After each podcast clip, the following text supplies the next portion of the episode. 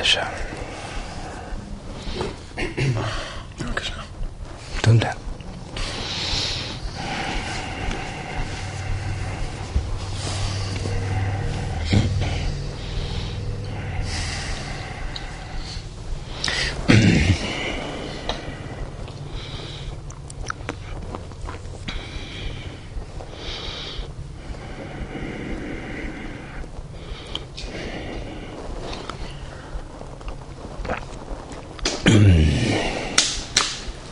שלום. הוא מרגיש טוב? כן? אפשר שמח שהוא פה עייף? כן. עייף קצת. אז אם מרגיש עייפות, מי כאן יכול להחליף? אה, בסדר? מצוין. אז לא, לא, עכשיו יכול להישאר.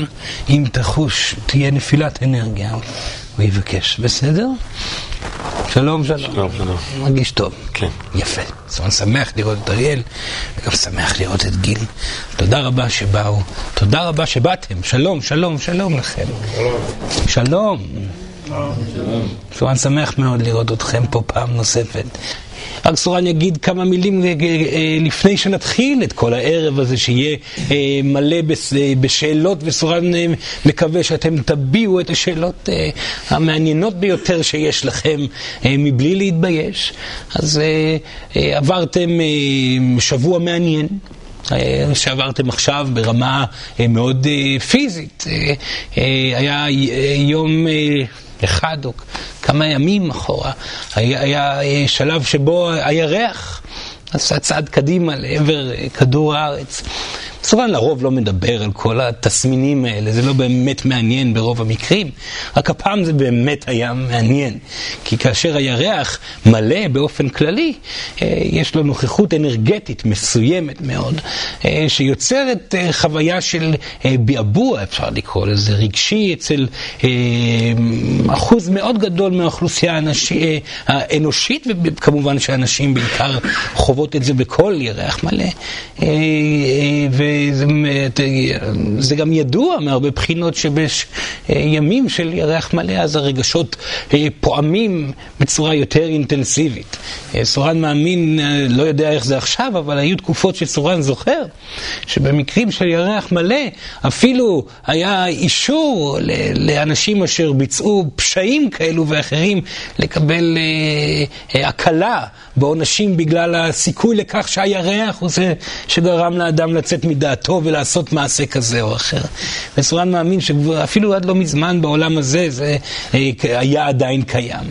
אה, מה שהיה פה מעניין, מעבר לכך שהיה ירח מלא ועגול, ההתקרבות של הירח הייתה מאוד משמעותית. כי פיזית, היא עשתה מהלך בכל אחד מכם שנמצא פה. כי כאשר הנוכחות של עצם כל כך גדול מגיע ומתקרב, אה, יש לזה השפעה באופן מיידי על כל נוזל, אם נסתכל על זה בצורה אה, אה, קונקרטית בעולם הפיזי, וגם על הנוזלים שנמצאים בתוככם, וכמובן כאשר מדובר על נוזלים, מדובר על רגשות. מה שיפה שהתנועה קדימה ואחורה הייתה מאוד מהירה, ולכן התופעות המעניינות שיתחילו לקרות, קורות בעצם מהיום. לכן סורן כבר עכשיו אה, אומר ושואל כאן שאלה, האם יש מישהו שאיננו מרגיש איזושהי חוויה רגשית קצת מוזרה בתוכו ביום האחרון? יש מישהו שלא מרגיש את זה, שמרגיש הכל בסדר, הכל טוב, מצוין, הכל כרגיל. האם יש מישהו ש... אה, אה, עוד מישהו שמרגיש דבר שכזה? או שכולם חווים חוויה מוזרה כלשהי? עייפות זה גם משהו. כמובן, עייפות זה פחד. סורן כבר אמר את זה בעבר. יפה מאוד. אז כן, עכשיו, בימים הקרובים, סורן מכין את כל הנוכחים פה בחדר. אה, אה, התופעה של אה, חוסר שליטה על הרגשות והעלייה הרגשית ואולי פתאום פחדים עוצמתיים שיהיו ויעלו בכוח כלפי מעלה, או בכי שיפרוץ, או בלבול מאוד גדול, תדעו שזה היה שייך לירח. לזמן טוב לתהליכים, אל תפחדו ממה שמגיע. וכבר עכשיו בשאלות פה היום, נקו את הרגשות, תביעו את מה שאתם רוצים להביע, ותאפשרו לרגשות להיות מובעים דרככם. בסדר? סורן רצה להגיד רק את המילים האלו, ואנחנו נתחיל. בבקשה, למי יש שאלה ראשונה? לגבי דברים אישיים או כן. קולקטיביים יותר? סורן מעדיף תמיד את האישי להשאיר לזמנים אחרים, בסדר? אלא אם יש פה משהו אישי שניתן לשאול בצורה קולקטיבית, כן? סורן ידע לאבחן ולראות מהו האישי פה, בסדר? אבל כן, כן. עדיף שהשאלות יהיו כלליות, ואם יש משהו אישי, תמצאו את הדרך המתוחכמת להביע את זה. כן, בבקשה, בבקשה. נתחיל ישר מהמסוקרן. כן. טוב, אז השאלה שלי היא לגבי אמ, מציאויות מקבילות. כן. מה שנקרא parallel כן. realities, לא universe, לא יודע אם יש הבדל, אבל parallel realities. כן. מציאויות מקבילות. עכשיו, אני מסתכל, צופה בהרבה סרטונים על יוטיוב, ביוטיוב, לגבי הנושא הזה, רוב האינפורמציה מגיעה דווקא מכל מיני תקשורים אה, מסוימים. עכשיו, מה שאני מבין זה שבעצם המציאות היא, היא, היא בעצם לא, היא, היא, כל, כל שנייה אנחנו בעצם עוברים ממציאות למציאות, ממציאות מקבילה למציאות מקבילה, נכון. אה, מיליארדי פעמים בשנייה. כן. עכשיו, אז אני מבין שיש אה, מספר אינסופי של מציאויות. נכון. שזה בעצם אומר שיש מספר אינסופי של אפשרויות, שאני, ובכל מציאות יש ורסיה אחרת שלי ושל כל מי שנמצא פה. נכון. זה אומר שיש מציאות שאני מיליונר, ושאני עני, ושאני מת מסרטן, ושאני ראש הממשלה וכן הלאה. נכון. ושעכשיו העניין הוא, העניין הוא, הרעיון הוא בעצם לדעת איך לשלוט בזה, איך לשלוט במעבר בין המציאויות. כן. עכשיו, אני מבין שזה קשור למחשבות, רגשות ולאמונות בסיס, איכשהו זה מתחבר אחד עם השני. עכשיו, אני, אני לא שאלתי את השאלה, אבל כמה דברים עולים. אז קודם כל, מבחינת המחשבות. שאני, אני, לי, נגיד, לכולם אני בטוח, יש מחשבות שליליות. אז אני חושב, אוי, אני, מפסיד כסף, ואשתי תעשה ככה, וזה, משהו להצליח, כל מיני דברים שמשתמשים במציאות. כן. עכשיו, ברגע שעולה מחשבה כזאת, אני, אני מבין שזה איכשהו משפיע על המעבר שלי למצויות אחרות, ואני שואל את עצמי, האם אני צריך, ברגע שעולה מחשבה, אני הולך להפסיד כסף, האם פשוט לחשוב על, לדמיין את עצמי עושה סקי נגיד, שזה דבר שכיף לעשות, או שט בסירה בים, כן. אה, או, או שהאם אני צריך לחשוב, עכשיו איך זה קשור לרגשות, ואיך זה קשור לאמונות בסיס. בסדר, בסדר. סורן יעשה סדר מאוד ויפשט את כל הסיפור. כן. אה, דבר ראשון, כמובן שזה נכון, יש אין סוף מציאויות. יש אין סוף אתם, אין סוף מי אין סוף. אין סוף כוכבים, אין סוף חדרים שאתם יושבים בצורה כזאת, רק שאולי במציאות אחת יש לכם אוזן פה, או אולי במציאות אחרת יושב אה, מאחורי הגב שלכם אדם אחר והוא לא נמצא. יש הרבה דברים שיכולים לקרות באין סוף, ובאין סוף אה, יכול להיות אה, אה, בעניין של זמן, זאת אומרת, אה, השנייה הבאה היא אינסופית בהרבה אפשרויות, יש בה אינסוף גם אחורה, השנייה שעברה היא אינסופית בהרבה אפשרויות, יש את האינסוף בהווה, ההווה הוא אינסופי באינסוף אפשרויות וכו' וכו' וכו'. מבלבל, חסר יכולת לתפיסה גם, וגם מאוד מאוד מאוד לא רלוונטי. למה? אתם שואלים את השאלה הקונקרטית והבסיסית שחווים רוב בני אדם אה, כאשר אה, עולה השאלה בתפיסת האינסוף. איך אני יכול לשלוט על זה? והתשובה היא, אתם לא יכולים לשלוט על זה. כך מבנה היקום קיים, הוא אינסופי. יש אינסוף אפשרויות. כל הזמן. המקום היחידי שאותו אתם יכולים לחוות את האינסוף בצורה אה, דינמית, שניתן לשחק באינסוף הזה, זה לאחר החיים. אתם הגעתם לעולם שבו האין סוף מצטמצם לסוף. כל שנייה שעוברת היא מוחלטת. יש פה מרחב ויש פה זמן, זהו. אתם כלואים. כלואים בקופסה של מרחב וזמן. לא תוכלו לצאת מזה בגלגול הזה, וגם האמת שלא חבל גם לנסות לצאת מזה בגלגול הזה, בגלל שאי אפשר לעשות את זה. אי אפשר לעשות את זה מסיבה פשוטה. אתם נמצאים בשליטה ושום דבר לא קורה כאשר אתם נמצאים בשליטה. ואנשים שחושבים שהם יכולים לנוע ממשבצת אחת למשבצת רחוקה במאית של שנייה על ידי החלטה שולטת כלשהי, לרוב ידמיינו את זה מאוד מאוד חזק, ולרוב זה לא יקרה, ולא, אם, כי אם זה יקרה, זה יקרה רק מתוך חוויית שחרור אינסופית שתגיע במקרה אחד של אובדן שליטה טוטאלי. מה שבטוח שהעתיד איננו ברור. החוויה ההרפאיה של השנייה הבאה היא אינסופית, הכל יכול לקרות בשנייה הבאה. יש רק דבר אחד שסורן חוזר ואומר כל הזמן.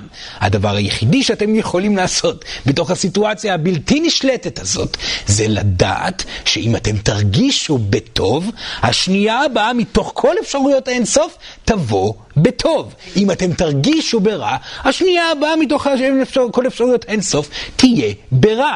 לכן אין לכם שליטה אחרת ממעבר לזה. לא מחשבה, לא דמיון, לא ניסיון לתפוס אלמנטים, לא לעבור בקפיצות קוונטיות לכל כל מיני משבצות אחרות. תנסו כמה שאתם רוצים, זה בזבוז זמן. היו אנשים שחוו קפיצות פיזיות ממש, מחדר לחדר, ממדינה למדינה. זה לא הייתה אשמתם, זאת אלוהים ששיחקה כאן משחק. על ידי כך שהם הרפו מספיק מהמטרה. כך ניסים קורים, מהו נס? נס זה ליצור יש מאין, מה הכוונה? נמצאים בחדר פשוט עם רצפה כחולה, פתאום בשנייה הבאה יופיע בתוך החדר הפשוט הזה שיש בו רצפה כחולה אה, קיפוד עם כנפיים. זה נס. נס גדול קרה פה, נכון? למה קרה הנס הזה? לא, אי אפשר לדעת, למה קרה, לא בגלל שאתם בהכרח יצרתם את הקיפוד הזה שיש לו כנפיים, ולא בהכרח, זה פשוט מאוד הייתה הרפייה. ניסים יכולים לקרות. אדם שבשנייה אחת הוא חולה, מגיע חבר שלו, נוגע בו, פתאום האדם כבר לא חולה. איך דבר כזה קרה? הייתה הרפייה. עבר פה, עברה פה אנרגיה גדולה מאוד ששינתה את ההיגיון, את המסלול ההגיוני של הזמן, ומשבצת צדדית הגיעה והופיעה פתאום מול עיניכם. זה לא מגיע מתוך ניסיון, זה לא מגיע מתוך האימון החוזר להשתמש באינסוף. לא. ילדים, לא. תניחו לזה. אתם רוצים חיים של ניסים? אתם צריכים להיות בהרפייה. בכל מקום שבו חוויתם הרפייה, ראיתם איך היקום זז בצורה מאוד מפתיעה לעבר תמונות רחוקות ומפתיעות ומלאות באור. אך ההרפייה היא זאת שהביאה את זה, שלא חשבתם מה אתם רוצים לעשות ולאן ומה המטרה שלכם ומה הציפייה ומה הדאגה וכל ההתעסקות של, של המצוקה נעלמה מגופכם, הייתם ללא שליטה ואלוהים אמרה, או, oh, הוא ללא שליטה. עכשיו אני יכולה להתערב פה. אני יודעת מה אני אעשה לו. אני אביא לו הפתעה. הנה, הוא יכיר אדם מיוחד. בום. זאת הפתעה? כן. או הנה, פתאום יגיע כסף. הנה, יגיע נס. החיים שלכם יכולים להיות מלאים בניסים אם אתם מאפשרים לאלוהים להחליט מהי המשבצת הבאה. בעזרת המציאות היומיומית, ההתמסרות להווה, נתינה לאחרים, הבחירה להשתפר ביומיום בכל מקום שגורם בכם מועקה, פתרון של בעיות, שימוש בעולם הפיזי לעבר חוויה של איזון ברגע, יוצרת אובדן שליטה, התעסקות בהווה, תאפשר לאלוהים להביא את המשבצת הבאה, שהיא תהיה רק יותר עם יותר ויותר ניסים. ברור מה שסורן אמר. כן, אבל אז איך, אה, איך עושים את זה? איך עושים, איך מגיעים להרפאיה? על זה סורן מדבר כל מפגש, כל הזמן הוא מדבר. Okay. אוקיי. על לבכות כשצריך, להשתנות, לקחת אחריות, להתמסר להווה, לפתור בעיות, לבוא ולהביע רגשות כשנכון ובמקום הנכון, לבוא וליצור סליחה, ליצור חברות, להעניק לאנשים. אקטיביות, אקטיביות, אתם בעולם הפיזי, הוא מיועד להווה. תשתמשו בו ואתם תהיו בהרפאיה. לעולם לא תדעו מהי המשבצת אה, שתגיע מתוך האינסוף, אך הצבע שלה יהיה נעים, כי אתם תרגישו נעים. כן, מה עם אמונות בסיס אז? סורן להבין? אמונות בסיס. מה אם? אמונות שורש, אמונות בסיס. אמונות שורש ואמונות בסיס משתנות מתוך... סורן יסביר את זה קצת יותר לעומק. רק קצת יותר לעומק. הדרך שלכם לשנות אמונות בסיס היא בכך שאתם משנים התנהגות. הבנתם את זה? זאת הדרך המהירה ביותר, ברמה פיזית. אם תבדקו את זה, ויבדקו את זה בעתיד, איך אה, מוח מפתח את המסלול החשמלי שלו בצורה המהירה ביותר, ממש הוא מפתח גישרון שכזה, אם ראיתם פעם את הרצפטורים והקולטנים אה, וכל המערכת החשמלית העצבית במוח, בתאי המוח, בסופו של דבר, הדרך הנכונה ביותר זה לא על ידי כך שאתם חוזרים על מנטרה שוב ושוב ושוב, זה יכול לקחת גלגול שלם. בכך שאתם רגילים לבוא ולזרוק על מישהו משהו, ובאותו רגע אחרי חוויה של כאב גדול כי ראיתם אחרי 30 פעם שזה עושה רע למישהו אחר, החלטתם להניח לדבר הזה ולא לזרוק יותר אף פעם כי למדתם מהטעות שלכם. באותו רגע כאשר אתם מונעים מעצמכם פעולה, הרצפטור משתנה בצורה מאוד מהירה. האקטיביות היא הדרך הנכונה ביותר לפתור את המצוקות שאתם חשים ומתוגברות על ידי פעולות לא מדויקות. ברור מה שסורן אמר עכשיו. לא הבנתי מה הקשר לאמונות בסיס. אמונות בסיס, אלו הם מקומות רגשיים שמתוגברים על ידי פעילות לא מדויקת. זאת אמונת בסיס. אדם מפוחד מאוד מנשים. מפחד להיפגע, אמונת בסיס קיימת. בגלל שהוא מפוחד מנשים, הוא מתנהג איום ונורא אל מול נשים. אמונת בסיס בפעולה. ואיך הוא מוצא את אמונת בסיס? הוא מתנהג נורא מול נשים. יש לו אמונת בסיס מסוימת שהיא בעייתית, הוא אפילו לא צריך לבדוק מהי האמונת בסיס הזאת. מספיק שהוא משנה את היכולת התנהלות שלו אל מול נשים, בכך שהוא מוותר על ציפיות ומגיע ומצליח להיות מאוזן אל מול אישה, באותו רגע חוויית הרגש, רגש שהיא אמונת בסיס, הרגש עצמו משתנה כי הוא השתפר קצת, הוא מרגיש יותר טוב. ואז הוא עושה את זה שוב ושוב ושוב בצורה פעלתנית, עד שיום אחד אמונת הבסיס, חוויית הרגשית הבסיסית שהובילה אותו לפעולות של טעויות מכל הגלגול וגם גלגול גלגולים אחרים, משתנה בזכות הפעולה האקטיבית ביומיום. העולם הפיזי שלכם מיועד לשינוי אמונות בסיס. ברור מה שסורן אמר עכשיו? עדיין לא ברור. כמעט ברור. זה לא ההפך מהרפאיה? כאילו איך זה מסתדר? הרפאיה ממטרות, מציפיות, מהתעסקויות בעתיד. האקטיביות היא הדרך היחידה ליצור הרפאיה שכזאת. בסדר? סורן, אם יהיה שאלה ברורה בהמשך, שישאל פעם נוספת. טוב? כן, בבקשה. כן, ילדה, כן. איך מדברים על פוסט-טראומה?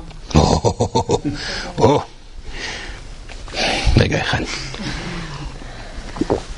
יפה מאוד, שאלה מאוד יפה. מסורן ינסה לענות עליה בצורה... התגברות על פוסט-טראומה היא דבר שלוקח זמן. הוא לא קורה ביום אחד, והוא קורה בעבודה מאוד מאוד מאוד החלטית לזמן ארוך. וזה חשוב לדעת. זה, זה, כי הניסיון שלכם לבוא וליצור משהו שיפתור את הפוסט-טראומה בבת אחת דבר, זה ניסיון שהוא כמעט בלתי אפשרי. זה מאוד תלוי עד כמה חוויית הפוסט-טראומה היא גדולה.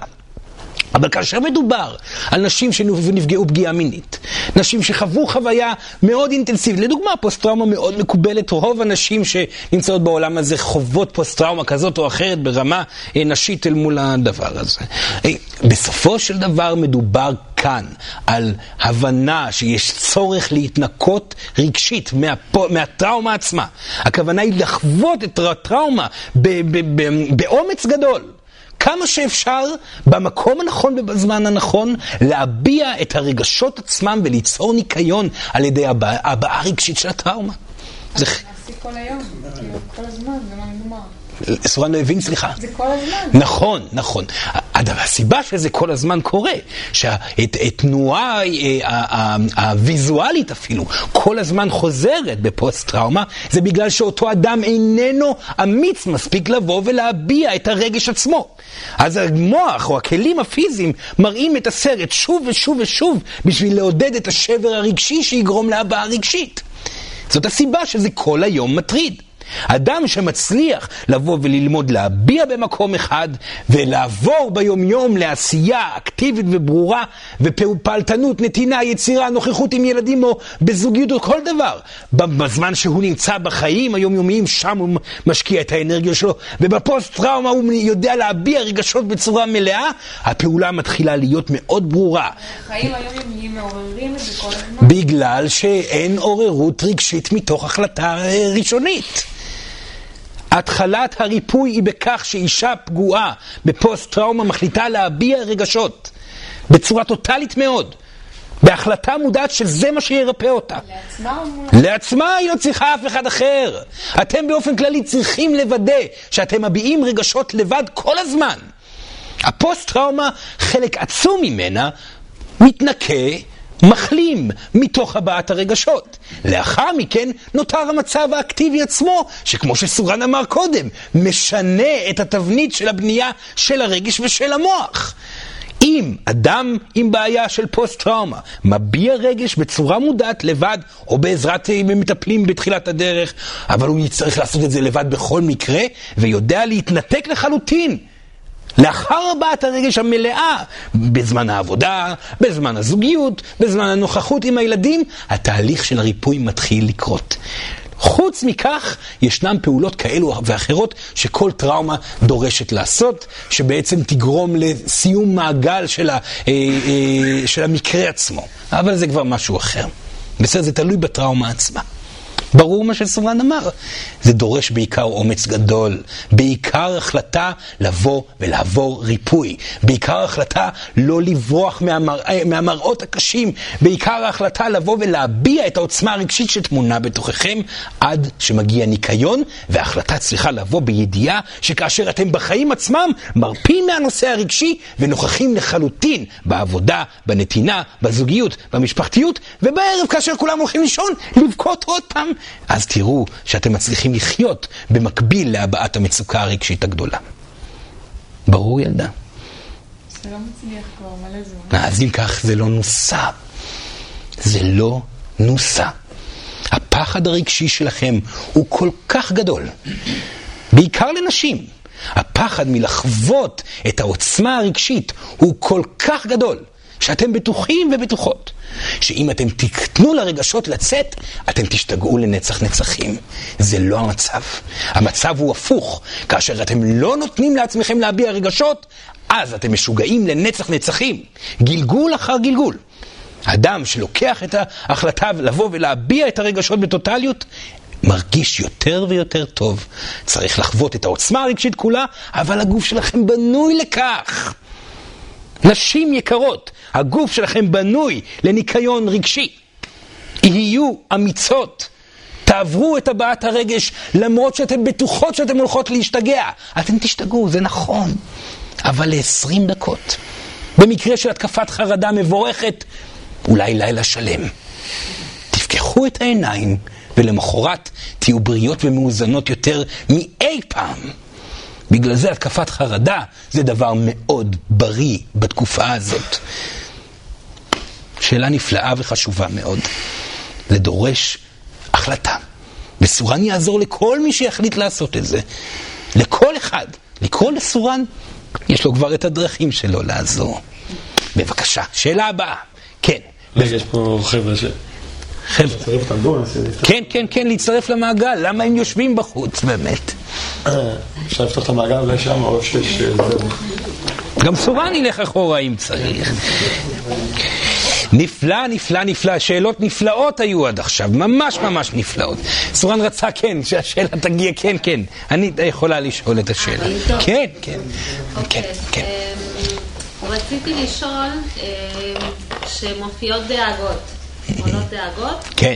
אז מה שאני חשבתי זה שצריך לה- להיכנס לדאגות ולחוות אותן בדמיון, ו- ואז לנקות אותן. כן.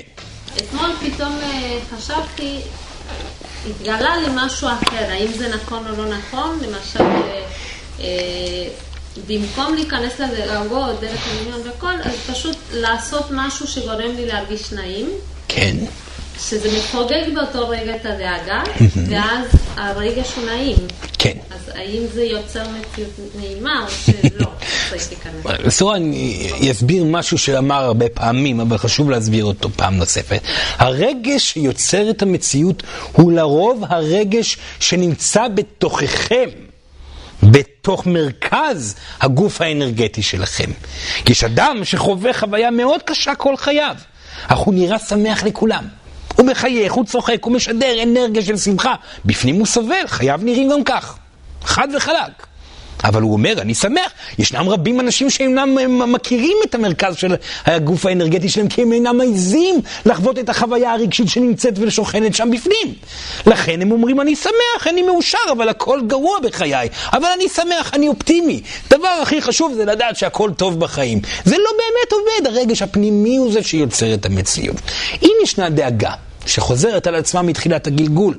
לא יעזור לכם לבוא ורק לעשות פעולה אקטיבית שיוצרת איזון רגשי. זה יכול לעזור לרגע עצמו, אחר כך תחזור הביתה, הדאגה תחזור. לכן, הפעולה הנכונה היא גם וגם. היא יודעת את התשובה הזאת. נכון, ילדה? ברור מה ש... ברור לי להיכנס לדאגה, לדמיין, לראות את ה... אז אם היא שכחה את הפעולות האקטיביות, הפעולות האקטיביות שיוצרות איזון, כמובן. לא פעולות שגורמות לי להרגיש, לא פעולות אקטיביות, הכוונה פעולות שאני אוהבת לעשות דברים. נפלא, ללכת להליכה, לטפל בגינה, לצייר ציור, כל דבר הוא טוב. כל עוד גם לא הזנחתם את הרגש עצמו. בסדר, נפלא. אם ישנו רגש כואב, ולרוב המציאות מסמלת עליו, כי רגש יוצר מציאות. לדוגמה, אישה, מישהו מפחד פחד גדול כלכלי. משום מה, מסיבה כלשהי. הוא מתעלם מכך, הוא אומר, הכל טוב, הכל יפה, אבל הפחד קיים. בגלל אותו פחד, הוא איננו מוכן להתמודד עם הנושא הכלכלי. יש לו המון חובות שהוא לא שילם. יש המון פתרונות שהוא יכול לעשות, אך הוא לא מבצע אותם, בגלל שיש לו פחד גדול להתעסק בנושא. הוא מעדיף לעופף בחלל העולם ולא להיות מקורקע. הרגש עצמו שנמצא שם בפנים, עליו להתחבר אליו, זאת אומרת להגיד ולהודות, אני מפחד.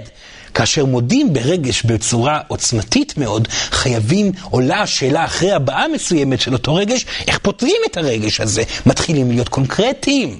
הרגשות הופכים אתכם לאנשים מקורקעים. וסורן אמר את זה בעבר. אנשים רוחניים הם אנשים מתמודדים. עם מה הם מתמודדים? עם הרגשות שלהם. אם הפחד הוא גדול מאוד, צריך לפתור אותו. לכן, יהיה לי מאוד נעים אם אני אמצא עבודה נוספת שתכניס לי עוד טיפה של כסף. לכן אני בוחר להתעלם מהעצלנות, שעצלנות שווה פחד, ואני מחליט החלטה לעבוד עבודה נוספת, ואז פתאום הרגש משתחרר. אם אדם עשה פעולה שכזאת, הוא שינה אמונת בסיס. דיברנו על זה קודם, הוא החליט החלטה אקטיבית שגורמת לו לחוויה יותר טובה כי הוא אקטיבי פתאום והוא לא יושב רוב היום בבית. ומעבר לזה, מצבו הכלכלי השתפר. הפתרון הוא רגשי. הוא יודע מה לעשות, לא רק במחשבה, כי אמרו לו תמיד תעבוד בעוד עבודה. אבל הוא החליט לעשות את זה ברמה פיזית, הוא טעם את הפעולה ברמה קונקרטית. והוא יודע מה לעשות, איך להתמודד אל מול הפחדים, איך להשתפר במקום חדש, איך לעמוד מול אנשים, איך לעשות כך וכך וכך, ואיך הוא מצליח להיות עצמאי בעולם הפיזי. פחד ושלם. באותו רגע היקום יגיב לחילוף חומרים הרגשי שנוצר בתוכו. נכון? לכן חשוב מאוד לבדוק מהו הרגש שנמצא בתוככם, מהו הפחד. אתם לא יודעים, הסתכלו בחוץ. הסתכלו על החיים שלכם. האם יש משהו שלא עובד לכם טוב בחיים? שם הפחד נמצא. בביטחון. רק יהיו כנים, אל תגידו הזוגיות שלי נפלאה אם אתם כבר לא שוכבים חצי שנה. אל תגידו העבודה שלי נפלאה אם אתם סובלים בכל רגע שעובר. יהיו אמיתיים עם עצמכם, זאת הדרך היחידה להתקדם. בסדר? נפלא. כן, בבקשה. כן, סורן אמר, כן, בבקשה. אה, רציתי לשאול לגבי הבעה רגשית. כן. אמרתי שזה מאוד אה, חשוב. יש פחדים שמאוד קל, מועקות נקרא לזה, שמאוד קל להביע רגשית כמו אבן. אני יודע, נגיד, אני מתאבל על ההורים ואני יכול לבכות, או למשל על אהבה נכזבת, אני בוכה, ואז אני מביע את הרגש. כן. אממה, יש מועקות, כמו למשל... אממה? אבל מה, זה קיצור של אבל מה? של... יש מועקות... שסורן פשוט לא הבין מילה פתאום. כן, כן. יש מועקות שההבעה הרגשית פה היא שונה. מה הכוונה? למשל, אני הולך להיות עצמאי, אני מפחד מאותו מהלך כלכלי, ואם אני אבכה זה לא ישנה שוב, הבעת רגש היא לא על ידי בכי. אז איך אני מביע רגשות שהם לא על ידי בכי? כי אני... איפשהו הבנתי שהבכי משחרר את הרגע. לא, הבכי הוא ממש לא השחרור היחידי. הבכי הוא משמעותי וצריך להיות גאים בו. בבכי יש אלמנט מאוד משמעותי כי הוא נראה כלפי הסביבה. זה דורש מכם לא אה, להתבייש ברגשות שלכם. זאת הסיבה היחידה שאנחנו מעודדים בכי. האמת שרגשות יכולים להיות מובעים באין ספור דרכים. החוויה המועקתית, אה, אה, רטטים בגוף. כאבים בגפיים, החלטה לשחרר אנרגטית את המצוקות שנמצאות בפרקים. הבעה הרגשית יכולה להיות על ידי דמיון בלבד, מבלי שום בכי. אלא כל מוזר שיצא ממכם, ועיבוב מוזר מבלי דמעה אחת. הבכי הוא משמעותי כי הוא חשוף לכלל. לכלל. יש אין ספור דרכים להביע רגשות, והוא יצטרך לבחור את הדרך שלו. לחקור את הנושא הזה. לחקור את הנושא בהחלט. נפלא. כן, כן, בבקשה ילדה, כן, כן. רציתי לשאול אה, לגבי קריירה. כן. מה המשמעות של זה? מה המשמעות? מה הכוונה? זאת אומרת, למה יש בעולם קריירה? כן, עד כמה זה חשוב לפתח כן. קריירה או לשנות פתאום קריירה ב... כן, כן, כן. למה זה חשוב? או כמה זה חשוב לשנות קריירה? זה לא חשוב לשנות קריירה. זה ממש לא חשוב. עבודה זה דבר חשוב כי היא מביאה כסף. וכסף זה דבר חשוב כי איתו קונים אוכל או עושים כל מיני דברים. בסדר, זה מה שחשוב. האם אתם שואלים מצורן, האם באמת חשוב מה אתם עושים בחיים? לא. לא, זה לא משמעותי בכלל. האמת שאדם שמחליט לעשות משהו ומתמסר אליו לחלוטין, ייהנה בכל מקרה בכל מה שהוא עושה, גם אם מדובר על כך שהוא מייצר דפים. במכונה, הוא עושה תנועה אחת כל חייו. הוא ייהנה אם הוא יחליט שהוא עושה את זה בצורה הטובה ביותר, ונמצא ברגע ורואה רק את הטוב, זה, זה קשה מאוד לעשות את זה, אך זה אפשרי. לכן זה לא משנה באמת מה אתם עושים, וסורן אמר את זה בעבר. ישנם ישויות מפותחות עד אין סוף, שהגיעו למעמד של ישות לא מתוך זה שהיו מנהיגים רוחניים, רוב מוחלט של הישויות עשו פעולות מאוד פשוטות, עשו נעליים, אה, היו אה, אה, מתקני דברים כאלו, אין ספור דברים, ועשו לפעמים גם תנועות מאוד מאוד, אה, אבל היו שם בפנים בצורה מדידטיבית, נוכחת, מקצועית, יצירתית, הבא, הכל היה מושלם. אז לא, אם יש לכם עבודה שנותנת לכם כסף, והדבר, ו- ואתם נהנים בה, אבל הדבר היחידי שמציק זה אותו קול טיפשי מהעבר ומההווה שאומר עלייך להתפתח למשהו, את לא בייעוד שלך, הניחי לדבר הזה. הניחו לזה. הקול שמבקש שינוי, המטרתיות, הציפייה, יוצרת דאגה, לחץ, מועקה, אנרגיה מועקתית מגיעה, כלום לא קורה. האמת היא, וסורן אמר את זה בעבר, אדם שמחליט להתמסר בצורה מלאה לנוכחות בעשייה מסוימת, עד הסוף נהנה בה, וכך דלתות נפתחות לדבר הבא. זאת הדרך היחידה שדלתות ייפתחו בצורה זורמת וסורן מבטיח את זה. אז אם הדלת תהיה פתאום הבנה מאוד ברורה שעליה לעשות משהו אחר, היא תעשה משהו אחר. אבל היא, אבל היא תהיה כל כך ברורה שלא יהיה לה ברירה אלא לבחור את הדרך. או שבאמת יפתחו, היא. תהיה דפיקה על הדלת ויגידו הנה נפתח כאן ככה וכך. כשמשהו נפתח החוק הוא פשוט, מתמסרים למה שקיים, נהנים בו. אתם לא נהנים בו, תתמסרו עוד יותר עד שתהנו בו, תפתרו את כל הפחדים שמונעים מכם הנאה בו, ואז, כשדלת נפתחת, חייבים ללכת בה. זה החוק האלוהי. תזכרו את זה, הכל יהיה בסדר. דלת תיפתח, להיכנס בה. כי זה מה שקבעתם עם אלוהים. ברור ילדה. נפלא, שאלה נפלאה. לפעמים כשדלת נפתחת, אה, זה לא תמיד נכון ללכת, לפעמים צריך לסגור דלת אחרת. נכון, נכון, נכון, נכון. לפעמים הדלת שנפתחת היא דלת שמנסה לבחון אתכם. ולפעמים היא תגרום לאגו שלכם לקפוץ. אם האגו קופץ, הנה זה מה ש... תנסו להיכנס בדלת. אבל ברוב המקרים כשדלת נפתחת מתוך חוויה טובה של מציאות במקום קיים, היא תהיה מאוד מדויקת. דלת נפתחת, כולל חוויה טובה באמת. לא לשכוח את, ה, את, ה, את הסכמה הזאת. אם דלת נפתחת כאשר אתם סובלים בעבודה, משהו פה מריח לא טוב. ברור? מה- כן. מה הכוונה? מה הכוונה? אם אתה סובל בעבודה ודלת נפתחת זה בגלל שסבלת, יכול להיות שבגלל שסבלת, לא, לא, לא. אם אתם סובלים בעבודה ודלת נפתחת, זה אומר שאם אתם תעברו למקום הבא, או תחליטו לעשות צעד למקום הבא, המקום הבא יהיה בדיוק באותה אנרגיה של המקום הקודם. למה? כי אתם לא עשיתם את השינוי והטרנספורמציה שהייתם צריכים לעשות במקום הקיים. לכן יש כל כך הרבה סיפורים שעברתי מקום והיה אותו דבר, ועברתי עוד מקום והיה אותו דבר. נשים וגברים שבזוגיות כזאת או אחרת, או אה, מקום עבודה, שוב בוס מעצבן, שוב, ושוב לא ראו אותי, ושוב... תפתור את הבעיה, תפתור. איזה שינוי צריך לעשות? אה, זה תלוי מאוד במקרה עצמו. זה מאוד מאוד תלוי במקרה. אם אדם מפחד מנוכחות אל מול אנשים והמצוקה היא מה חושבים עליו, עליו להגיע למצב שלא אכפת מה חושבים עליו. אם בן אדם הוא עצלן גדול ועושה חצי מהעבודה שאותה הוא יכול לעשות, ולכן שום דבר לא קורה, עליו להחליט לוותר על העצלנות ולהתחיל לעבוד בהתמסרות מלאה. אם בן אדם הוא לא מקצועי מספיק ולא לוקח את אחריות המקצועיות שוב ושוב ושוב, עליו לוודא שהוא מקצועי עד הסוף. אם תשאלו את עצמכם, אתם תדעו היטב היטב מהו הדבר שגורם לכם מועקה, ושם העבודה צריכה להתחיל להיעשות. ברור. נפלא. כן, בבקשה, ילדה. אני חושבת הרבה על השאלה שאני צריכה לשאול, אבל החלטתי לשאול את זה. אה, יש דבר כזה עין רעה עין רעה, של אנשים. מה הכוונה? שיכולה להשפיע אנרגטית על החיים של אדם אחר? סורן חייב להבין את השאלה. הכוונה היא, האם ישנם, האם דעותיהם לא דעותיהם. משהו אחר, התעסקות באיזה כישופים או מגיה שחורה שיכולה להשפיע על, על, על אדם אחר ועל המסלול של החיים שלו. כמו, כמובן. איך? לא, אז רגע, סורן, היא פתחה פה נושא שסורן היה שמח לתת תשובה ולהמשיך לנושא הבא, אבל אתם כל... למה, למה להמשיך לנושא הבא? כי זה כל... סורן יסביר, יסביר הכל. כמו... כמובן שישנם אנרגיות קשות. וישנם אנשים אבודים לחלוטין, ממש אבודים, שפיתחו את היכולת האנרגטית העצומה שלהם למען עבודה עם אותן אנרגיות קשות. ישנם אנשים שעשו על זה דוקטורט בתקופה הגברית, הם עדיין שליחים של האגו האנושי, והם מסכנים מאוד, כי הקרמה עכשיו כל כך מהירה, שבכל פעם שהם מרגישים אשמה על משהו, גם עם הקטנה ביותר שהם עושים, המציאות נוחתת אליהם בבום גדול.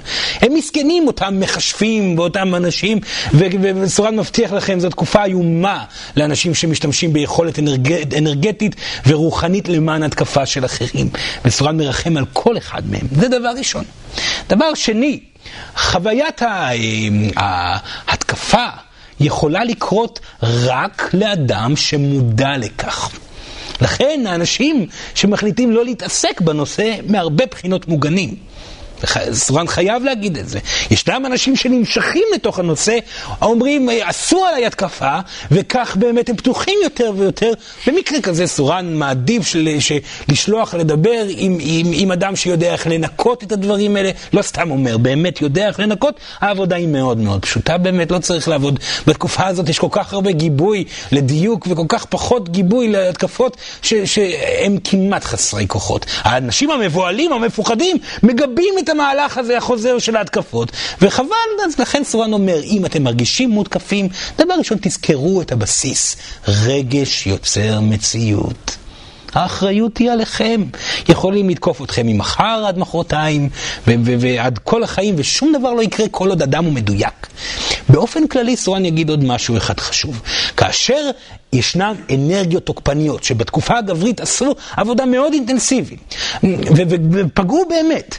בימים הללו, האלו, גם אז האמת, אבל גם בימים האלו בצורה הרבה יותר חזקה, כל התקפה כזאת גורמת למה? להפעלה מהירה יותר של רגשות חבויים, ובעצם יצירת מציאות מתוך נוכחות גדלה של פחד מסוים. אדם מותקף ולכן הוא מרגיש מפוחד יותר, המציאות מביאה לו אסון כזה או אחר מתוך... בעצם כלי השחור הם כלים של האור. של האור. ואם אדם לוקח את מה שקורה בחייו בזכות הגעת ההתקפה הזאת, והוא עושה עבודה כמו שאנחנו מדברים על שאר העבודות, הוא מצליח לצאת ואפילו מתקדם מהר יותר ויגיד לו תודה על ההתקפה שהייתה בעבר. לכן, האם יש שחור? כן. האם הם מפחידים גדולים ומוזרים? כן. האם לאדם המודע שעובד על עצמו יש סכנה? לא. בסדר? בסדר. כן, כן, נמרוד. העבודה מול כאלה אנשים, שהייתה תקופה בחיי שאני הייתי לא בטוב, ואז משכתי אליי כמה אנשים כאלה, שהם עדיין מדי פעם מחזיקים בחיי. כן.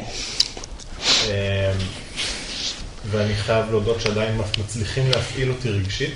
איזה אנשים הוא, הוא מדבר על אנרגיות תוקפניות? אנשים כאלה שאני, שיש, זה בדיוק מה שתיארת. לא, סורן דיבר על אנרגיות. כן, זה אנרגיות תוקפניות, אבל זה אנשים שאני גם יודע ששולחים לי אנרגיות. סורן הבין, כן, בבקשה, כן, לשאול את השאלה. אה, או, או מנסים לתקוף אותי בזה שאני חושב עליהם את אותו דבר, וזה סוג של ראש המפקד. כן, כן, כן. ובכל פעם שמגיע כזה דבר, אז אני תמיד בהתלבטות בין להתעלם לחלוטין, או, או להגיב. ו, ובשני המקרים זה איזשהו סוג של, של שיעור שלי, האם אני צריך לצאת מול התוקפנות, אה, ולהגיד לא, אני לא מוכן, יש לי גבול, אה, לבין להגיד, זה, זה אנרגיה רעה שלך, אני לא, כאילו... לפעמים יהיה מצב שכזה, לפעמים מצב שכזה. זאת אומרת, אם התוקפנות תהיה פיזית, האדם הזה פוגע ב... כי אם הוא איננו מצליח לפגוע בך, הוא יפגע באדם לידך. נו. כרגע הוא נמנע מאנשים לידו. עד כה. אבל זה לא פיזי, אבל זה עדיין מצליח להיכנס אליי פנימה. אם זה נכנס אליו פנימה, אם זה נכנס ופוגע בו ברמה באמת ברורה, אז לפעמים עליו להתייצב אל מול הפחד ולעצור, ולהגיד די, מספיק, אינני רוצה לראות אותך יותר, אפילו מבלי, להתעניין בלמה. להגיד תודה רבה, היה לי נעים להתראות. הוא יכול לעשות דבר כזה, הוא לא חייב לעשות את זה, מספיק. אז אם הוא אמר ולא עוזר, ניתוק אנרגטי הוא מספיק. אוקיי. כן, בבקשה, שאלה הבאה. רגע אחד, ילדה טוב. כן. כן. אה, רציתי לשאול שאלה שקשורה לסיפור גן עדן. כן, סיפור גן עדן בתנ"ך. כן. אה, כמו שאני הבנתי וקראתי את זה בכמה מקורות, זה סיפור מאוד עתיק והוא לא בהכרח קשור ליהדות. כן. אני לא יודעת עד כמה זה נכון, אני שואלת. אה, השאלה שלי היא בעיקר, כאילו, המשמעות של הקללה שניתנה על אישה. כן. בעצם תלדו בנים, המשך תשוקתך. מה, אני רוצה להבין, א', אם מה עם הכלל, מה, היית יכולה לחזור על המילים האלו עוד פעם? ואלישך תשוקתך, בעצם והוא ימשול בך, בעצם ת- בעצם תלדי בנים, במה? בעצם. בעצב. השאלה היא, א', באמת אם הסיפור הזה שייך ליהדות או שהוא סיפור אמיתי. שניים, מה המשמעויות של הסיפור הזה? כאילו, מה המשמעויות ה... בסדר, בסדר. סורן יענה תשובה פשוטה, סורן מקווה שהוא לא יפגע יותר מדי ביותר מדי אנשים, אבל הסיפור הזה הוא יהודי, אוקיי. יש לו מקורות של מקומות אחרים מפוחדים מלפני, לא יותר מדי אחורה, הוא אה, הבסיס, הדת היהודית היא מוזרה, כי הבסיס שלה אה, אה, הוא נכון, יש בו אנרגיות ותשובות לכל השאלות, מהרבה בחינות. ההרפאיה, סיפורי ההרפאיה יוצאי דופן, ההבחנה בין אגו לדיוק, הכל נמצא שם בפנים. אבל הדרך שבה היא הובאה לאנשים, לא בתחילת הדרך, אלא כמה מאות לאחר מכן, הם, הם היו גבריות וטיפשיות ומפוחדות. מפחידות, על מנת לקרקע את האישה ולהקטין אותה, בשביל למנוע ממנה להיות מפתה, חזקה ועוצמתית. אז, אז מפה, מפה באה השאלה החדשה. כן. מי היא בכלל אישה? מי בכלל אישה? ולמה אני שואלת אותך? כי לאורך ההיסטוריה אישה עברה המון התניות חברתיות. המון מה? התניות. הבניות? מה עם? התניות. כן, כאילו, הכריחו אותה לעשות דברים. לא, יצרו את הדימוי של מה שהיא אמורה להיות. כן, סורן לוין, כן, ואני בבקשה. רוצה לדעת מי באמת האישה, כאילו, בלי, התניות, בלי. כלום. ובלי שיגידו לה שהיא רחם או לא רחם, שהיא אימא או לא אימא, שהיא צריכה להיות אימא טובה או אימא רעה, שהיא... שאלה נפלאה, תודה רבה. שאלה, מי היא באמת האישה? כן. אם היא תגיע למצב שהיא איננה מפוחדת מלהיות לבד, איננה מפוחדת מדעותיהם של אחרים, איננה מפחדת מהסיכוי ליפול כי היא יודעת איך להתמודד עם כל נפילה, איננה מפחדת מעוצמתה הרגשית, איננה מפחדת לחשוף את היופי שלה, היא תדע מי היא האישה. וזאת האחריות שלכן, נשים יקרות. אתן, בתקופה הנשית, באתן בשביל לשנות את העולם. ואתם תכתבו ספרים על מי היא האישה עוד כמה שנים. עד כה, אלפי, עשרות אלפי שנים של תקופה גברית, השכיחו את הנשיות. נשים מוכות, מפוחדות, מבולבלות ואינן יודעות. למזלכן, בתקופה הנשית שינויים קורים מאוד מאוד מהר, ואתן כבר בדרך. אישה, לא תפחד מלהיות לבד, לא תפחד מלתת אהבה, לא תפחד מעוצמות רגשיות, לא תפחד מלחשוף יופי, לא תפחד מלהביע את דעתה, ולא תפחד להעניק את שמחתה לעולם כולו. היא תדע מה היא, והיא תכתוב ספר. בוא נראה כמה נשים יכתבו ספרים. מספיק ספרים נכתבו על ידי גברים, על גבי נשים ועל אה, כל מיני תיאוריות מטומטמות. הגיע הזמן לשנות את העולם, וזה תלוי בכם, בנות יקרות. מי האישה? בוא נראה. בסדר? בהצלחה, בהצלחה, בהצלחה. באיזה רמה הוא נכון? שהוא יצא לו מהבטן. מי יצא מהבטן של מי? מה? אדם וחווה. אדם וחווה יצאו מבטן של מי? שהאישה יצאה מהצלע של האדם. האישה יצאה מהצלע של האדם.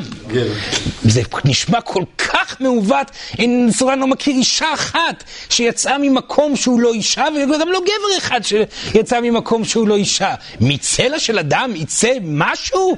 זה יצא, אולי לא, סורן לא יודע, חזה נחמד, יפה, אבל אם לא יצא כלום, כולם יצאו מנשים. נשים, נשים, נשים, נשים. למה כל כך הפחיד גברים כל התקופה הזאת? כי נשים הם הכל, וגברים שיקבלו את העובדה הזאת שנשים זה התחלה ונשים זה הסוף, וחוזרים בחזרה לתוך אישה ויוצאים מתוך אישה, יבינו את מקומם ויוכלו להיות מה שהם צריכים להיות, אבירים לנשים. ולהפסיק להקטין נשים בעזרת זה שימציאו שהגבר הוציא את האישה מצלע של אדם, אלוהים שבשמיים. זה לא קשור לשום דבר מציאותי וגם לא רגשי. כמובן שזה מובע מתוך הרצון להקטין נשים, ואתם עברתם גלגולים בכוונה של גברים מתוך פחד לאבד שליטה על נשים ולהיות לא נאהבים. הם הקטינו נשים וכיערו נשים ובלבלו נשים ואמרו, ויש רוב מוחלט של גברים שעדיין עושה את זה, וישנם נשים מוכות שצריכות לצאת לניקיון על ידי עבודה על פוסט-טראומה, על ידי ההחלטה לבוא ולעשות את כל הדברים שסורן מדבר עליהם מההתחלה ועד הסוף. זה הזמן לשחרור הנשי, ואתן תעשו את זה אם תרצו בכך או לא. כי אלוהים עושה קרמה מהירה יותר ויותר ויותר, ואתן לא יכולות לברוח מאמיתות ורגשות. אני חייבת לשאול שאלה בהמשך לזה. כן. על ברית מילה. כן, כן.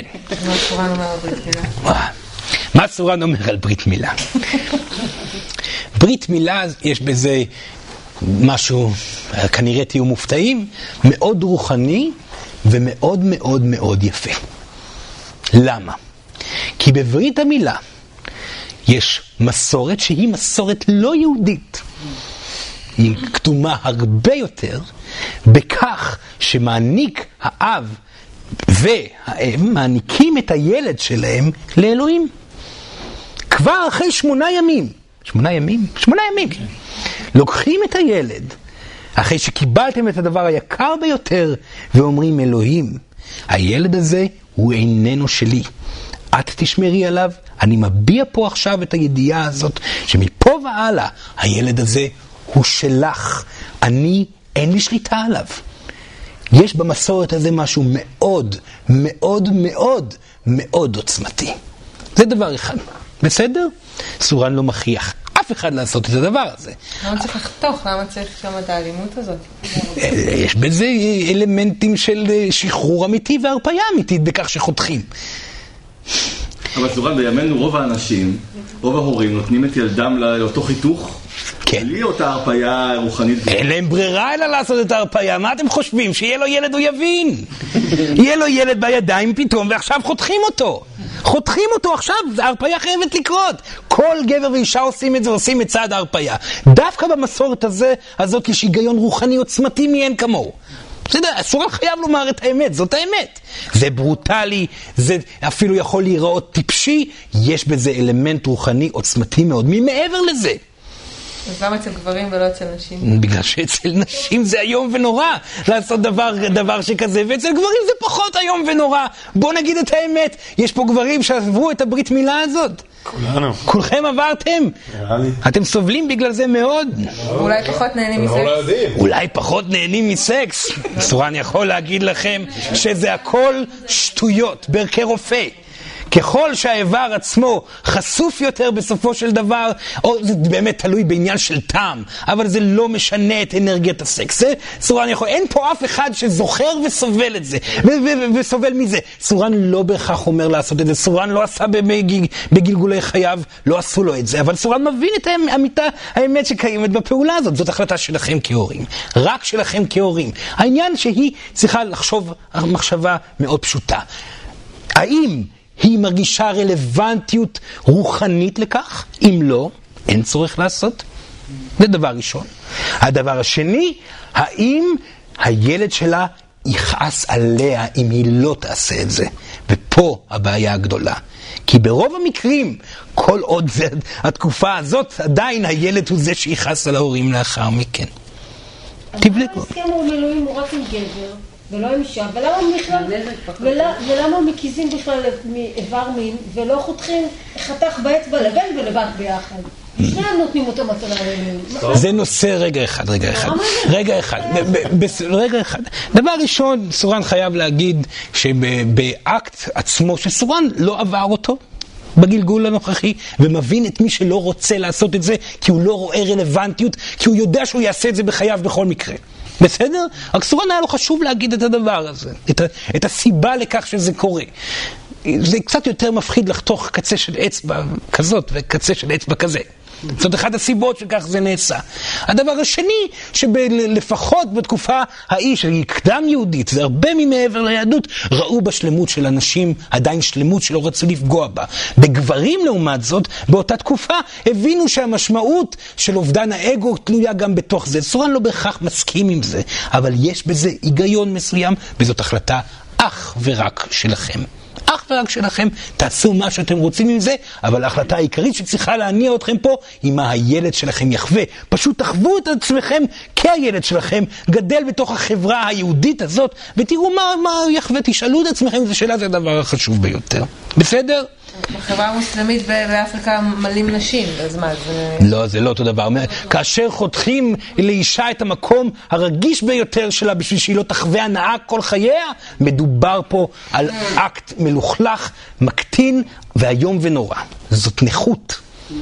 יש הבדל מאוד גדול בין זה לזה. סליחה. טוב? כן, כן. כן. אבל אה, כאילו שתי שאלות יש לי, אחת על מערכות יחסים. לא רק משפחה וחברים קרובים.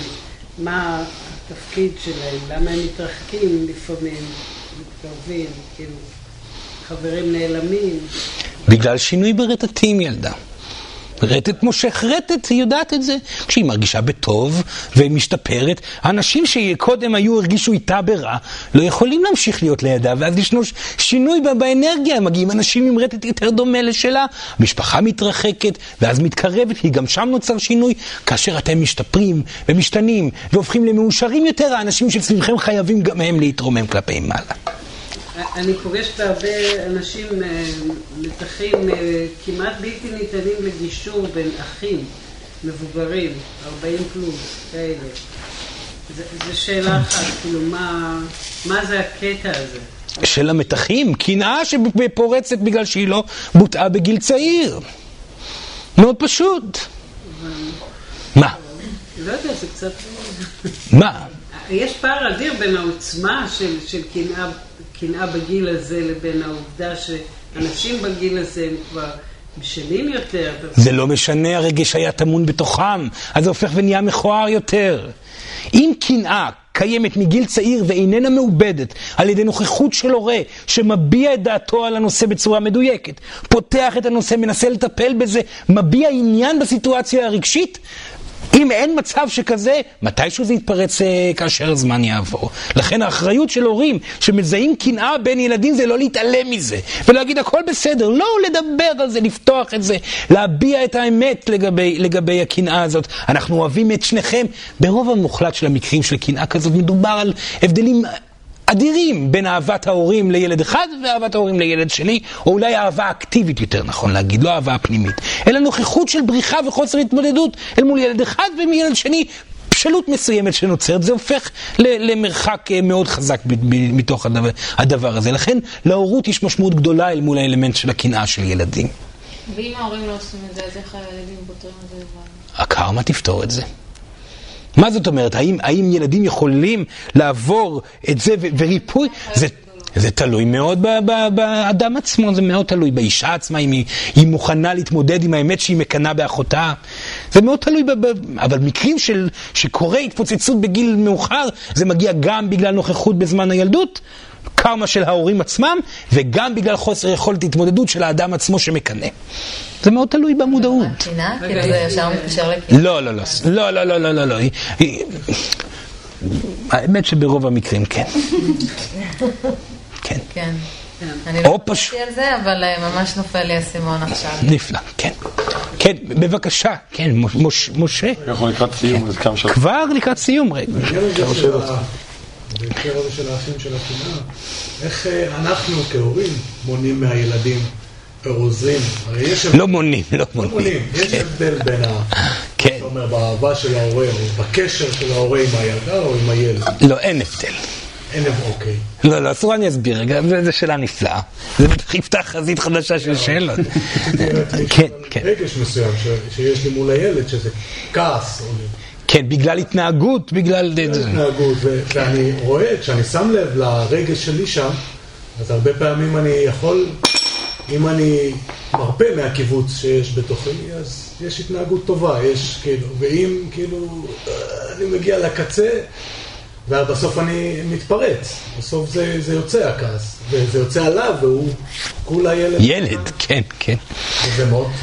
רגע, אז סורן, סורן ננסה לסדר את השאלות האלו בצורה אה, נכונה. טוב? קנאה בין אחים בזמן גיל צעיר זה קרמה של ההורים. הילדים לא זוכרים את זה. זה תלוי באיזה גיל, אבל ברוב המקרים, עד גיל עשר פחות או יותר בתקופה הזאת, זה הכל קרמה של ההורים. אתם מרגישים מצוקה, כי אתם מגלים שהילד היפה שלכם הוא בעצם מפלצת אל- אלימה. אתם מגלים מצוקה, כי אתם פתאום מגלים שהילד שחשבתם שהוא מושלם, כי אתם מושלמים, הוא איננו מושלם, ואז זה משפיע עליכם כבני אדם, ומוחק את כל המחשבה הטובה שלכם כלפי עצמכם. אתם מתביישים בילד, כי אתם מתביישים בעצמכם, ואתם לא יודעים מה לעשות, כי הילד הפך להיות קנאי גדול, פתאום בגיל ארבע הפך להיות מפלצת, וקודם היה כולו נפלא. דבר ראשון, מדובר פה על ילד. הילד הזה מביע רגש של קנאה. זה הגיוני. פתאום הכנסתם לילד במשפחה ילד נוסף. סורן אמר את זה בעבר, כאשר אתם מביאים ילד שני, זה כאילו שאתה אה, תבוא לאש- לאשתך ותגיד, תקשיבי, אני הבאתי פה אותה, ואתם שניכם ביחד עכשיו תהיו איתי, מה דעתך על זה? יותר גרוע, פתאום האישה תבוא ותגיד, תראה, הבאתי כאן את הבחורצ'יק הנחמד הזה, אתם תגורו ביחד כאן, טוב? ואני אעשה אהבה איתך ואיתך וזה, והכל יהיה נפלא. עד כדי כך זה קשה לילד הזה.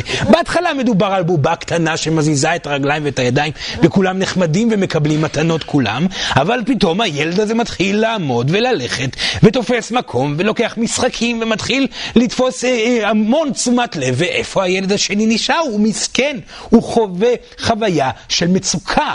או יותר נכון להגיד, הוא מביע מצוקה כי הוא החליט לנער אתכם. עכשיו, מה קורה? מה אתם כהורים צריכים לזכור? הדילמה שלכם לגבי אהבת הילדים היא מאוד מאוד משמעותית. אתם, כאשר נולד ילד נוסף בחייכם, אתם מכירים את ההרגשה שנולד ילד הראשון, שפתאום מתרחב לב חדש בתוך גופכם, מכירים את זה? כאשר נולד ילד שני, מה שקורה אנרגטית, ממש כך, מתרחב לב נוסף. וכאשר ילד שלישי, מתרחב גם עוד לב. אתם לא מודעים לזה, ולכן נמצאים במצוקה. אוי, לא, יש לי לב אחד, איך אני יכול לחלק? לא, יש לכם כמה שאתם רוצים. מדובר פה על מקור אנרגטי של אהבה מלאה. אם אתם תבינו את זה, שאין הבדל בכמות האהבה אליו, אתם תח- תחושו רוגע ותוכלו להגיד, באמת, אני אוהב אותך ככה, ואותך ככה, אבל זה באותה מידה, כי אתה שונה ואתה שונה. ואני אוהב אתכם באותה עוצמה, כי לי יש לב אחד ששייך לך, ולב אחר ששייך לך, ולב נוסף ששייך לך, וכו' וכו' וכו' וכו'. אהבה עצומה, חסרת שום כל היגיון, אני אוהב אתכם.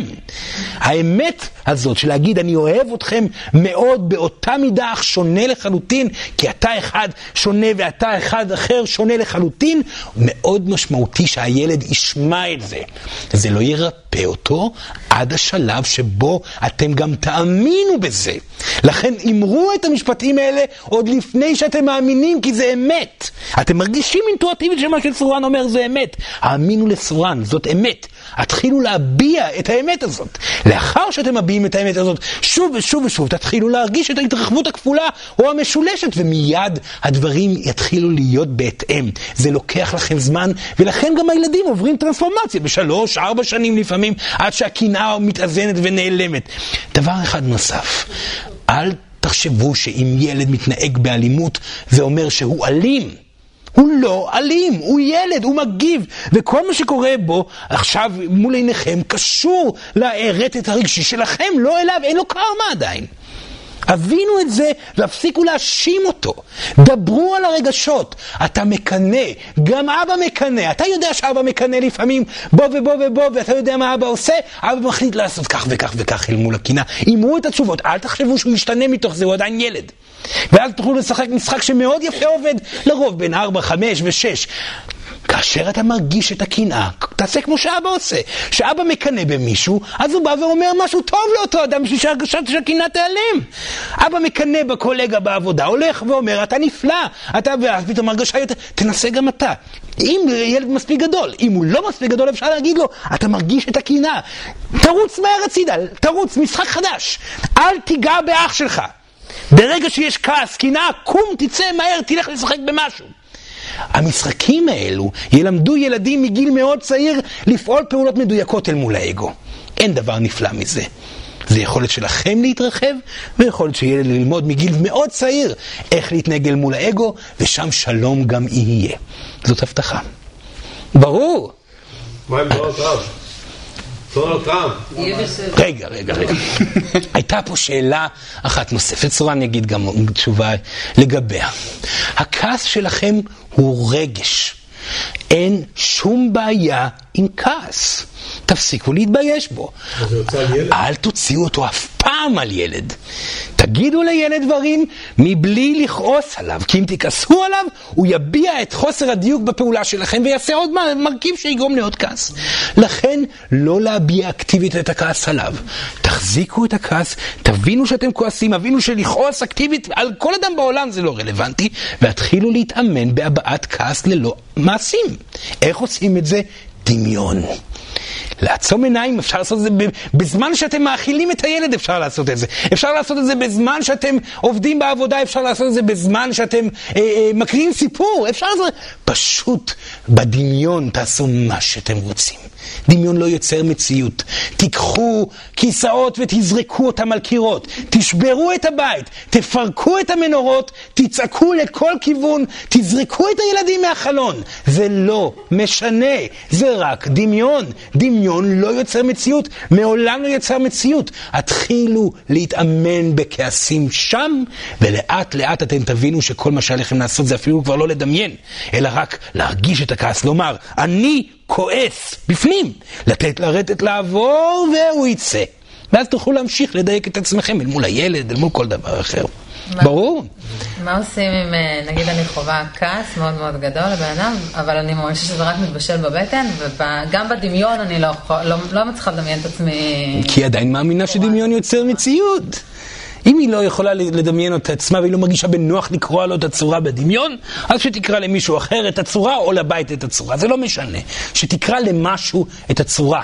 אם זה עושה לה את ההרגשה של שחרור הכעס, יכול להיות שמה שיגרום לה לשחרור כעס זה שהיא תבוא ותצעק על עץ, או יכול להיות שהיא תבעט במשהו, זה תלוי בה. אבל זה לא בא לידי ביטוי ככה, זה רק כעס שכאילו... זה אומר שהיא מתביישת, לא זה אומר שהיא מתביישת בכעס שלה, זה אומר שהיא עדיין כל כך מפחדת מהכעס שלה, שהיא לא נותנת לזה אפילו ביטוי דמיוני, וזה חבל מאוד.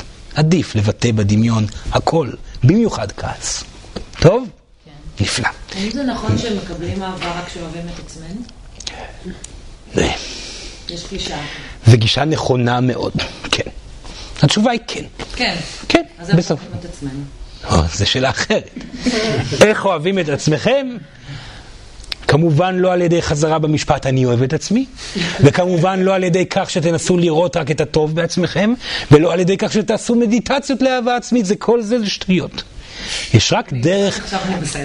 יש רק דרך אחת לאהוב את עצמכם, לא להניח לעצמכם לעצור בשיפור העצמי. אם אתם תעברו יום שהייתם מדויקים איתו, ואיתו, ואיתו, ואיתו, והצלחתם להשתנות פה ופה ופה ופה, ולבחור פעולות שגורמות לכם להרגשה של נעימות, אתם תתחילו לאהוב את עצמכם יותר ויותר, ושם תקבלו גם אהבה. זאת הדרך היחידה. בבקשה. כן, עוד שאלות יפות, עוד שאלות יפות. כן, ילדה, סליחה. כן. אה, בנושא של הפחד להחמיץ, זה כן. משהו שנפוץ בדור הצעיר. כן. וזה מעניין אותי בשני הקשרים. אחד, בתקופות לחץ. נגיד, הייתה תקופה שגרתי בתל אביב. כל הזמן רציתי לנסוע לטבע. עכשיו, תודה לאלה, אני גרה בצפון, כן? אבל זה כל הזמן היה, מה זה הדבר הנורא הזה של לגור בעיר ואי אפשר לצאת ואוי ואבוי. והדבר השני זה בפעולות קטנות. כן. שאני יכולה למצוא את עצמי ממש אה, עם מתח סביב לעשות פעולה קטנה כזאת או אחרת, כי אני עשויה להחמיץ חלילה משהו. כן. אני יודעת שזה דפוס נפוץ בגלל זה שאני. כן, זה דפוס נפוץ מאוד, ואתם אמורים להגיע לשובע בזה פשוט מאוד. להבין שהחיים לא נעימים כאשר אתם רצים אחרי משהו ועוד משהו ועוד משהו, ולהתחיל להבין שלא משנה איפה אתם נמצאים, כל עוד אתם נוכחים בצורה מלאה בתוך הדבר, אתם חשים נעימות ואיזון, וכך צריך לחיות את החיים. אתם לא מפספסים שום דבר. עליכם להבין את זה, כי לא מה שקורה מחוץ אליכם הוא זה שנותן לכם את חוויית הטוב. לא, זה לא עובד ככה. זה לא עובד כך שאם אתם, אתם נמצאים במסיבה אחת, שם במסיבה השנייה תרגישו יותר טוב. אתם הולכים למסיבה השנייה, אתם תרגישו אותו דבר. זה לא ששם יהיה משהו, כל ההבחנה הזאת היא, היא, היא טעות. מתי אדם חווה חוויה של מקום טוב יותר מאשר מקום אחר שבו הוא היה? כאשר הוא עושה תפנית רגשית בתוך עצמו במהלך המעבר ממקום אחד למקום שני. תמיד זה כך. או שהוא מקשיב אינטואטיבית לידיעה שעליו לעבור, האינטואיציה אמרה לו, הרגשית, אמרה לו לעבור למקום אחר. אין מה להחמיץ, אתם כאשר אתם דפוקים, הדפיקות מגיעה איתכם לכל סרט, לכל סיפור. במדינת ישראל, באנגליה, כזה שעולה משנה מקום, משנה מזל. שטות גמורה. ממש שטות גמורה. המזל נשאר איתכם בכל מקום. שנו את עצמכם, הכל ישתנה מול עיניכם, אם אתם באפריקה, בישראל או בארצות הברית. בסדר? יש, יש משמעות לאיפה שאתה נמצא, איך אתה יודע שזה המקום הנכון? כי אתם נמצאים בו. כי אתם נמצאים בו. אתם מייצרים את המציאות. הרגש שלכם מייצר את המציאות. לכן מה שרלוונטי להתפתחות רגשית בתוככם, מובע באופן אוטומטי במציאות שבה אתם נמצאים. אתם אף פעם לא תימצאו במקום לא רלוונטי. אלוהים אומרת לכם איפה להיות בעזרת התמונה הנוכחית שבה אתם נמצאים. זה הכלי הבסיסי שלה. אין מקום שהוא לא מדויק. אתם שם הוא מדויק, אולי רק בשביל לפעמים לבחור לעבור מקום. אך קודם כל יהיו שם עד הסוף, ואז תדעו את התשובה עד אז תמיד. כל מקום הוא מדויק, אם אתה סובל... עליכם לפתור את הסיבה לסבל, ושם התשובה תגיע. לפעמים זה ייקח שתי שניות מתוך החלטה. אצלנו, לא במקום. תמיד אצלכם. כי אם לא תעשו את זה, תלכו למקום האחר, תהיה את אותה בעיה שוב. אם לא עכשיו, חכו כמה דקות. בסדר? מצוין. אפשר שאלה קטנה לגבי מקום? כן, כן, לגבי מקום. אני חווה בעין שמר אנרגיות מאוד מאוד קשות, חוץ מבסטודיו הזה. זאת החוויה שלי פה, אני מרגישה תמיד כאילו סוג של בית וטוב ונעים, ואני מגיעה לכאן מקבלת כוחות, יוצאת מכאן, הבית שלי גם בעין שמר, אני מרגישה בו נורא. ובכלל בקיבוץ, בחדר אוכל, בהסתובבויות שלי בקיבוץ, כי היא... אנרגיות קשות. בגלל שהיא נמצאת פה בקהילת אנשים מודעים, היא מרגישה בנוח. היא נהנית להיות ליד אנשים מודעים, וזאת בעיה, כי רוב מוחלט של האנשים, לפי דעתה, אינם מודעים, וזאת טעות. אני מרגישה שאני כל כך רגישה, שמספיק שאני כאילו עוברת אה, סביב... סביב אנשים באמת לא מודעים, כן. זה מצליח לשאוב ממני אנרגיה. אז התשובה היא לא שזה לא נכון. אנשים סביבה מודעים. בקיבוץ הזה יש אנשים מודעים. היא מלבישה את הסיפור עליהם. בכך שהיא מלבישה את הסיפור עליהם, היא נמנעת מקרבה מתוך הפחד שלה להיפגע. זאת הסיבה שהיא עושה את זה שוב ושוב ושוב, ורק מול אנשים שלא מאיימים עליה בצורה שהיא החליטה לבחור. פשוט היא החליטה שפה לא יאיימו עליה הדברים. אז היא מרגישה בנוח. אם היא הייתה מעיזה להתקרב לאותם אנשים לא מודעים... אבל זה פיזית, אני, אני מרגישה פשוט נורא כי היא מפחדת. והפחד הזה, כמו שסורן אמר, יהיה בכל מקום. בכל מקום. אבל אני אפילו יכולה לצאת לתל אביב ולהרגיש יותר טוב. נכון. יש עוד יותר... כי היא לא, אבל היא לא מכירה שם אף אחד. אין אף... אבל כאן אפשר לחשוב עליה דברים. לא, זה לא מזיז. או, כך היא חושבת. צורן מבין. בסדר, בסדר. הקשיבו היטב כולם. כאילו לצורעים. אסור. זה בנס ציונה. כן, יש כל מיני, יש כל מיני מקומות. סורן, רגע, רגע, רגע אחד, רגע אחד. כל מה שעליכם לזכור, אם אתם נמצאים במקום ואתם מרגישים בו רע, זה אומר שיש לכם פה עבודה לעשות למען שיפור ההרגשה. להגיע למצב שלא אכפת לכם מה חושבים עליכם. להגיע למצב שבו אתם יכולים להפריד את עצמכם מאנרגיות של אחרים. להגיע למצב שאתם נהנים עם רטט שונה משלכם. כל אחד מהסיפורים, סורן יודע במקרה שלה ומכיר אותה היטב, ששלושת הגורמים רלוונטיים. שתחשוב על זה. טוב? כן. צריכים לסיים. אז רגע, סורן מבין רגע אחד. כן, ילדה, כן, כן. אני רוצה לשאול על אינטנסיביות בעשייה. ואיך אני יודעת מתי אני נמצאת ב... ב... אה, בכמות הנכונה. בסדר. אינטנסיביות בעשייה, ברוב המקרים, מגיעה מתוך חוויה של חוסר איזון בעשייה. זה לא בגלל עודף עשייה, ברוב המקרים. אנשים מרגישים קושי מאוד גדול עם עשייה שמבחינת שעות או מבחינת גורמים הם יכולים לעשות באותה כלילות את העשייה הזאת מבלי לחוות מצוקה יותר מדי גדולה. אינטנסיביות יכולה להגיע או מדעותיהם של אחרים עליכם, אינטנסיביות יכולה להגיע מתוך פחד מאוד, מאוד גדול מקצועי או כזה או אחר, אינטנסיביות יכולה להגיע מתוך לחץ רגשי ונפשי שמגיע בגלל המטלות או בגלל המבחן העצמי שאתם נמצאים בו. כל התשובות האלו יכולות לקרות. העבודה הפנימית אל מול אינטנסיביות יכולה לגרום לכם להגיע למצב שבו אתם עושים את כל מה שמוטל עליכם בנעימות. תנסו להיות בנעימות. עשו את כל מה שמוטל עליכם, תכתבו, תדברו ותישארו פה. לא להתאמץ, להישאר בפנים. אבל זהו, אני מרגישה שבשביל להיות, להישאר בנוכחות בתוך העשייה, אני עושה יחסית מעט, אני לא יודעת אם זה מעט, אני לא יודעת יחסית למה, אבל אולי זה יחסית... לא, יחסית לפחד שלה. סורה מבטיח לה שהיא יכולה לעשות את כל הדברים שהיא עושה עכשיו והרבה יותר, אם היא תעשה את זה בנעימות. היא תראה שזה לא מוריד את הקצב, זה מוריד את הלחץ. פשוט בלי לחץ, אין סיבה, לחץ לא יוצר דברים מהר יותר. ברוב המקרים הוא יוצר דברים לאט יותר. זהו, אני, אני בדיוק בהתנסות הזאת של, של עשייה בחוסר מאמץ ו, ו, וללא פחד. כן. והתחושה היא ש... שיש מעט עשייה. עכשיו, אני לא יודעת אם זה שיפוט. זה שיפוט בלבד. אוקיי. שתעשה ותמשיך לעשות את הכל בנעימות. בסדר, זה מה שיהיה פתרון. מה עם הדבר הזה מול, מול החיים, מול הפרנסה, הצורך להתאים לצרכים הכלכליים? מה הכוונה? איך זה מתיישב?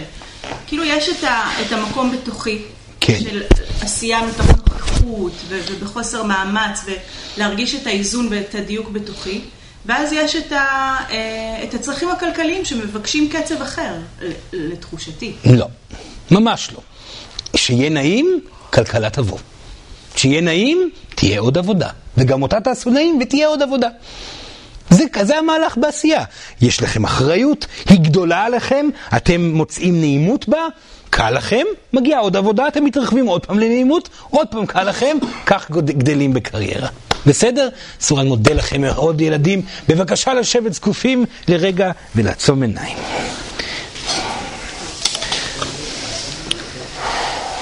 וביחד עם סורן שלוש שאיפות עמוקות. שאיפה ראשונה, נשיפה. שאיפה שנייה, נשיפה. שאיפה שלישית,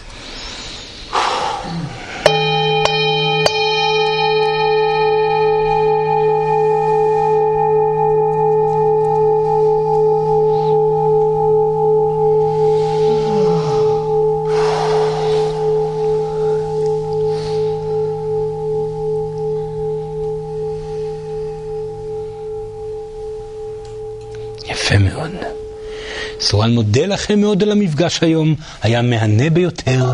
קחו את הדברים הלכה למעשה בבקשה, בהצלחה לכם, ונתראה בהמשך. תודה רבה. תודה רבה.